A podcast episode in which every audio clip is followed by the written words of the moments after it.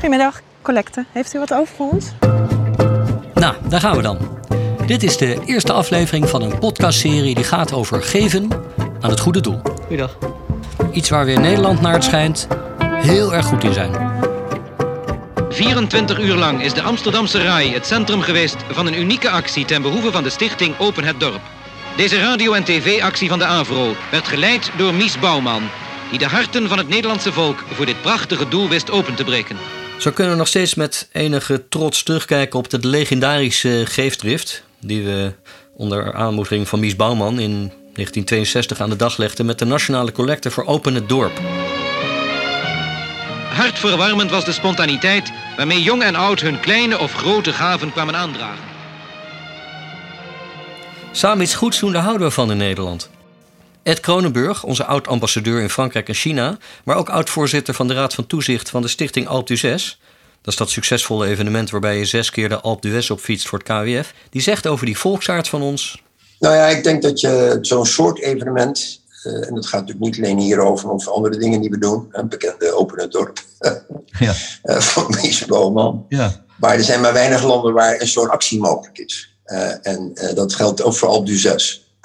Want we hebben natuurlijk toch iets in ons hè, waar een bepaald sociaal gevoel uh, waaraan wordt geappelleerd door dit soort zaken. Uh, een goed doel, wat ook voor heel veel mensen herkenbaar is, uh, waar ook Nederlanders vaak aan mee willen doen of iets voor willen, voor willen geven. Dat is denk ik typisch Nederlands. En dat kan je op allerlei manieren proberen te duiden. Ik denk dat het heel veel te maken heeft natuurlijk met de volksaard, maar vooral ook omdat we een klein land zijn. Dat de communicatie is makkelijk. Mensen weten snel dat er iets speelt.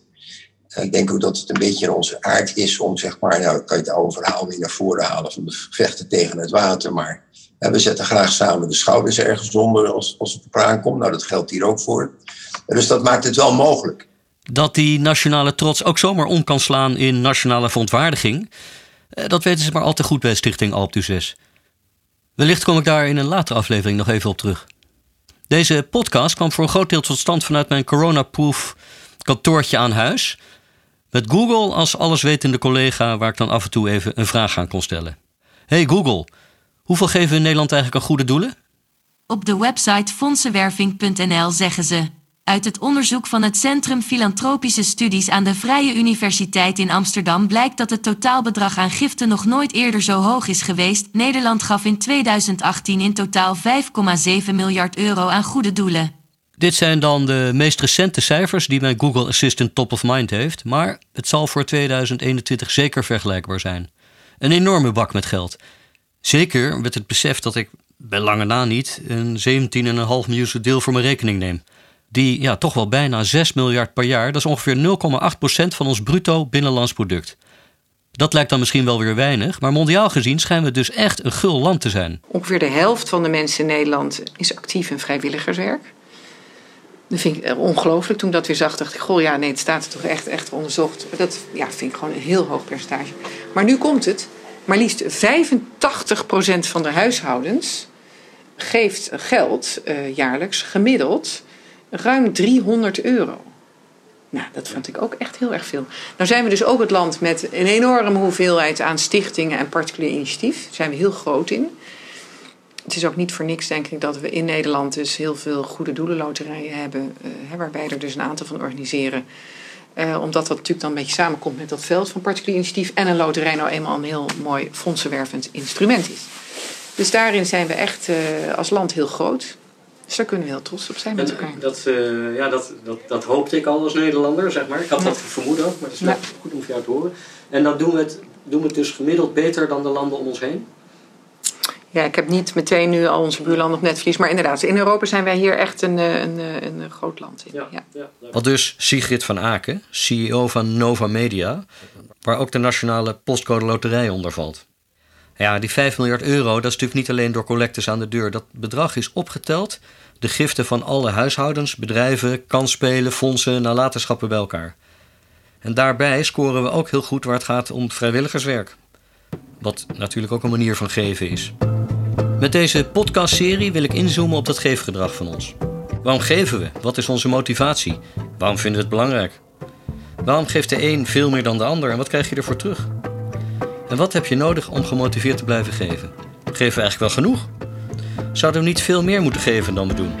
En zo ja, wat houdt ons dan tegen? Om niet te veel te generaliseren, laat ik het gewoon even op mezelf betrekken. Wat houdt mij eigenlijk tegen? Want zelf geef ik weliswaar met grote regelmaat, maar dat is geen enkele reden om mezelf ervoor op de borst te slaan, omdat ik, vermoed ik, heel gemiddeld geef.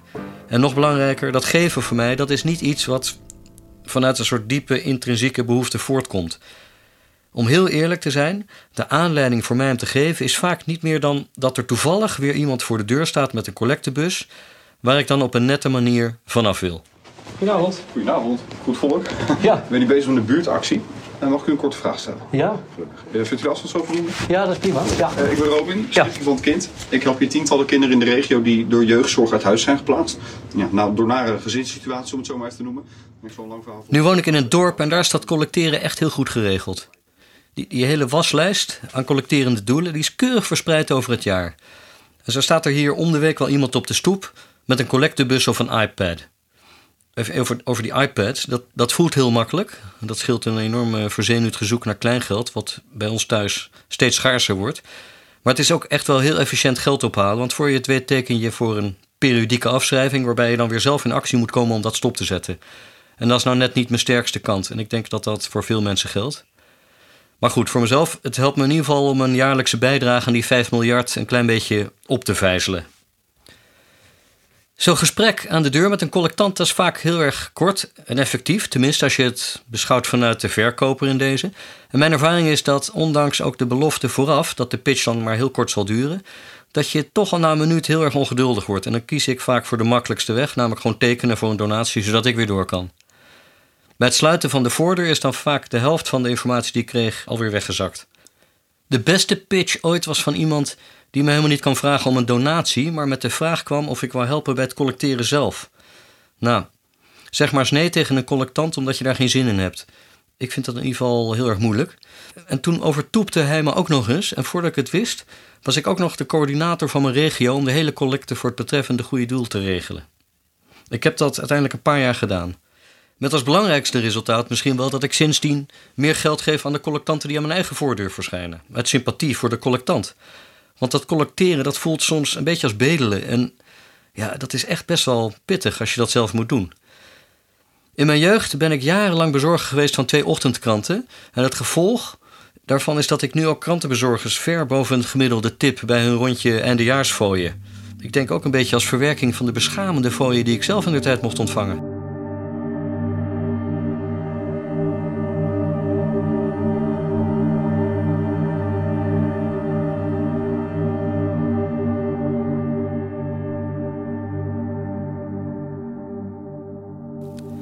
Oké, ik geef geld weg aan goede doelen of ik steek er mijn tijd in, maar ik haal daar geen enkele bevrediging uit. Eerder het tegenovergestelde.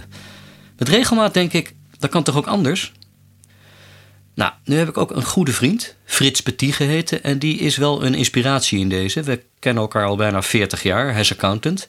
En ook al heel lang mijn adviseur en hulp bij allerlei privé- en zakelijke belastingdingen. Naast zijn werk als accountant doet Frits nog veel meer.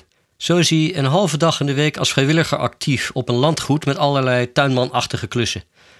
En werkt hij ongeveer een halve dag per week voor 25% van zijn normale tarief in de schuldhulpverlening.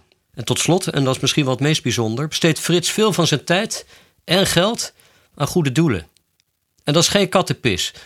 Want waar ik misschien bij elkaar zo'n 1500 euro per jaar weggeef aan allerlei goede doelen, waarvan ik vaak niet eens meer de naam weet, geeft Frits bijna 50.000 euro per jaar weg. Dat is ongeveer de helft van zijn omzet. En kan hij over de bestemming ervan ook nog eens met heel veel enthousiasme vertellen. Ja, dat is natuurlijk een enorm bedrag en hij doet dat al jaren in volle overtuiging en met heel veel plezier. Ik denk dat de weinig bevredigende emotie die ik voel bij het geven geheel ondraaglijk zou worden als ik mijn donaties zou opschroeven naar het niveau van Frits. Terwijl bij Frits het tegenovergestelde aan de hand is. Hoe meer hij geeft, hoe meer lol die erin lijkt te krijgen. Frits geeft op een andere manier dan ik. Frits geeft zijn geld weg met een plan, met een overtuiging, met een filosofie. Waarbij hij trouwens zelf altijd wel meteen de relativering maakt dat hij daarbij heel goed geholpen wordt door de Belastingdienst. Met de aftrek op giften. Uh, dat bedrag wat ik geef, dat is mede. Een, ik, ben, ik ben natuurlijk een fiscalist, accountant. Dus ik, ik heb daar goed zicht op wat de Belastingdienst aan mogelijkheden geeft om dat optimaal te doen. Ik kreeg toevallig vorige week van een klant een reactie dat hij, ja, hij, hij floot mij een beetje terug en hij zei van ja, maar de, de belasting moet toch ook betaald worden? En als jij geen belasting betaalt door je giften, ja, dan kan de politie niet draaien of weet ik veel wat. Uh, Oké, natuurlijk, de overheid moet ook geld binnenkrijgen. Maar mijn gedachte is daarover dat de overheid toegezegd heeft om een bepaald percentage, dat is schandalig laag overigens, aan ontwikkelingshulp uit te geven. En dat halen ze ook nog eens bij lange na niet. Dus op deze manier ja, stuur ik dat een beetje in de richting waarvan ik denk uh, ja, dat dat wat beter zou moeten zijn. En uh, ja, het staat natuurlijk iedereen vrij om dat op zijn manier binnen de belastingregels te doen. Als ik Frits over zijn eigen geefgedrag hoor praten, is er één ding dat steeds resoneert. Zijn overtuiging dat zijn eigen geluk vooral een kwestie van geluk is geweest en niet zijn eigen verdiensten. Die overtuiging van Frits, dat het meeste wat hij bereikt heeft in zijn leven hem gewoon toegevallen is, en zeker niet zijn eigen verdiensten, dat illustreert hij graag aan de hand van het huis dat hij ooit begin jaren 90 al heel vroeg in zijn carrière kocht. Een heel pand tegen het centrum van Amsterdam aan. Voor een bedrag waar je nu, en dan moet je denk ik wel inmiddels buiten de ring gaan zoeken, heel misschien een eenkamerappartementje kunt vinden. Maar het pand was ook betaalbaar doordat het in een buurt stond die nog niet de aantrekkingskracht had die het nu 30 jaar later heeft. En, last but not least, omdat er op de overige etages, Frits ging zelf op de begaande grond wonen, nog huurders zaten met een soort vooroorlogs huurtarief. En om die reden, logischerwijs, voorlopig niet van plan waren om te verkassen.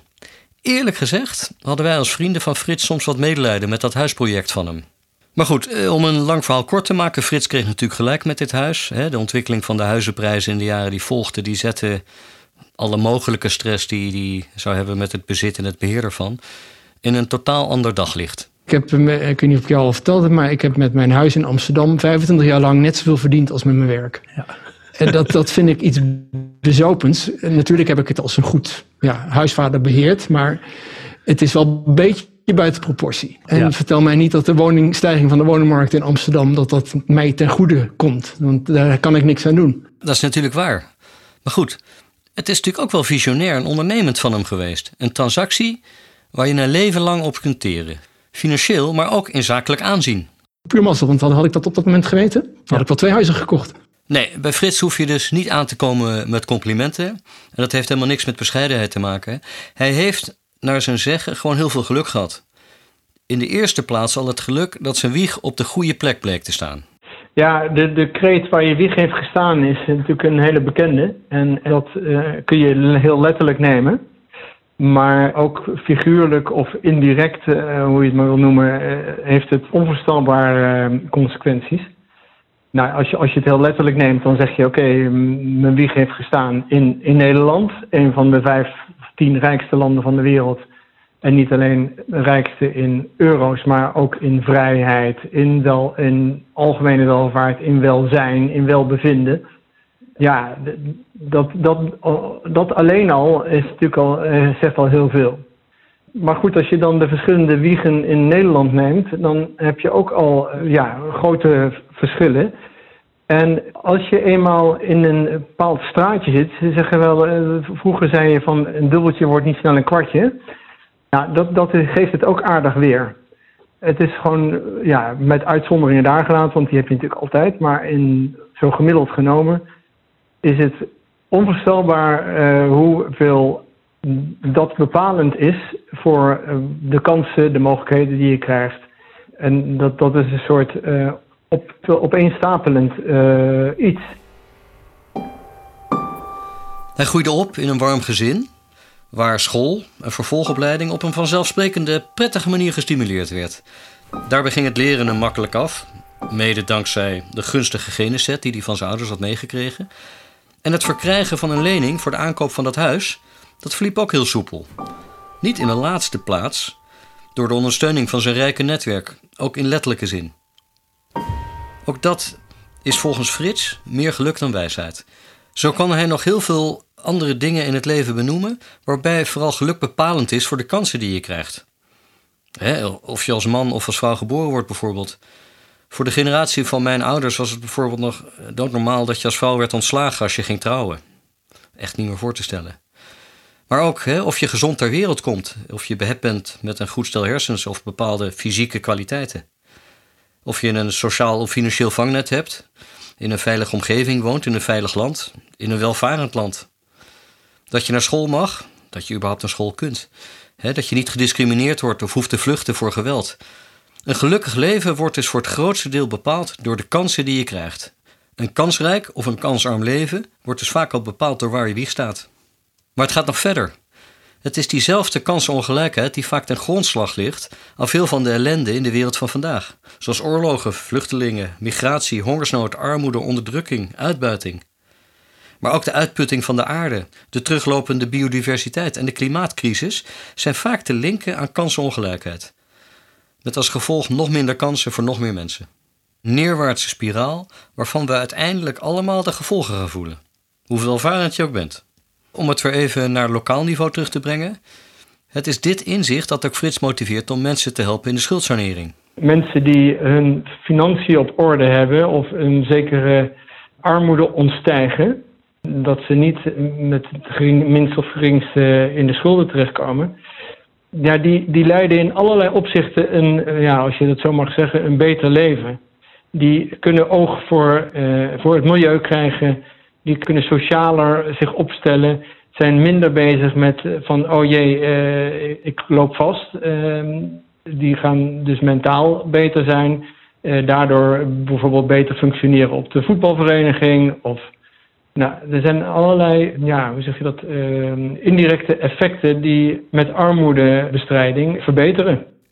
Toen ik Frits vlak voor de zomer nog even sprak, kwam hij met een mooi actueel voorbeeld van hoe kansenongelijkheid in de wereld uiteindelijk een probleem kan worden voor ons allemaal. Zoals we nu uh, afgelopen periode met die vaccinaties zijn omgegaan wereldwijd, dat alle uh, rijke landen vijf keer te veel vaccinaties ingeslagen hebben en de arme landen veel tekort komen. Ja, dat is voor mij uh, parallel hieraan. De, de neiging van rijke landen is toch om eerst hun eigen zaakjes goed te regelen. En supergoed. En dan pas te kijken van, uh, oh ja, er moet ook nog, uh, ja, Suriname, dat heeft dan, die krijgt dan nu vaccinaties. En die heeft dan natuurlijk een link met Nederland. Maar ja, er zijn nog talloze andere landen waar het veel dramatischer aan toe is. Maar goed, nee, er moet eerst, er, moest, er moet iedereen hier in Nederland tevreden gesteld worden. Dus zolang het vaccineren zich vooral beperkt tot de rijkere landen, kan het coronavirus in de arme delen van de wereld zich lekker blijven muteren naar nieuwe varianten. Die natuurlijk ook hun weg weer deze kant op vinden. En dan is het maar te hopen dat we met onze vaccinaties daartegen beschermd zijn. Nou, tot zover een eerste kennismaking met Frits. En zijn overtuiging dat vooral externe factoren bepalend zijn geweest voor zijn huidige welvaart. wat hem dus motiveert om zoveel van zijn tijd en inkomen in te zetten om iets te kunnen betekenen voor mensen die minder kansen in de schoot geworpen kregen. En natuurlijk zijn sterke wil om iets te doen aan deze ongelijkheid. Omdat dit op vele fronten, zo zegt hij, bijdraagt aan een betere, mooiere wereld. Frits' zelfrelativering werkt heel aanstekelijk. Want als ik nu echt eerlijk ben, dan moet ik natuurlijk tot dezelfde conclusie komen. Ik behoor ook tot dat clubje mazzelaars van wie de wieg toevallig op een hele gunstige plek stond. Met alle kansen van dien. En daarbij kan ik ook nog eens keer rekenen op een riant vangnet voor als ik die kansen niet zou benutten. Tegenover dat clubje van mazzelaars, waar ik blijkbaar toe behoor, zat een veel grotere club van pechvogels. Die ooit zijn gestart vanuit een veel minder kansrijke positie. Zonder vangnet om bij tegenslag weer het op te veren. Eerder zo'n vangnet waar je helemaal vast in komt te zitten, waar je jezelf heel moeilijk uit kunt bevrijden. Vaak van generatie op generatie zelfs. In de volgende aflevering wil ik de systemen die deze minder kansrijke club zo in zijn greep houdt, wat beter leren begrijpen. Ik wil meer weten over de oorzaken van ongelijkheid. In plaats van meteen, zoals ik dat tot nu toe altijd deed, blind te doneren voor de oplossingen die de meeste caritatieve instellingen mij met zoveel verven presenteren.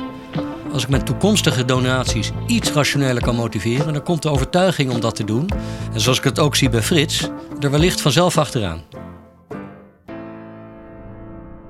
Tot slot nog even wat belangrijke credits en disclaimers. Mijn naam is Pieter Scheltema en de podcast Geven voor Gevorderden is het resultaat van mijn lukrake zoektocht naar het nut, de noodzaak, de drijfveren en barrières rondom geven aan het goede doel. Iets wat nooit gelukt was zonder de aanmoediging en wijze input van inspirator en filantroop Frits Petit, de filosoof Karim Benamar, communicatiestrateeg Edward Stolze en last, but zeker not least, mentor en geluidsmacher Reinder van Zalk. Hun belangeloze bijdrage onderstreept onze gedeelde overtuiging dat het groeiende verschil tussen arm en rijk in de wereld veel meer aandacht verdient. Het liefdewerk oud papierkarakter van het project hoor je helaas wel door in de kwaliteit van de opnames. Mijn coronaproof, maar akoestisch, totaal onverantwoorde kantoortje aan huis zijn daar debet aan. Reinder heeft in de nabewerking geholpen om dit een klein beetje te verhullen. De serie is doorspekt met quotes en artikelen die ik al zoekend op het wereldwijde web heb aangetroffen. Maar eerlijk is eerlijk, ik heb geen enkele check gedaan of ik ze eigenlijk wel voor het doel mocht gebruiken.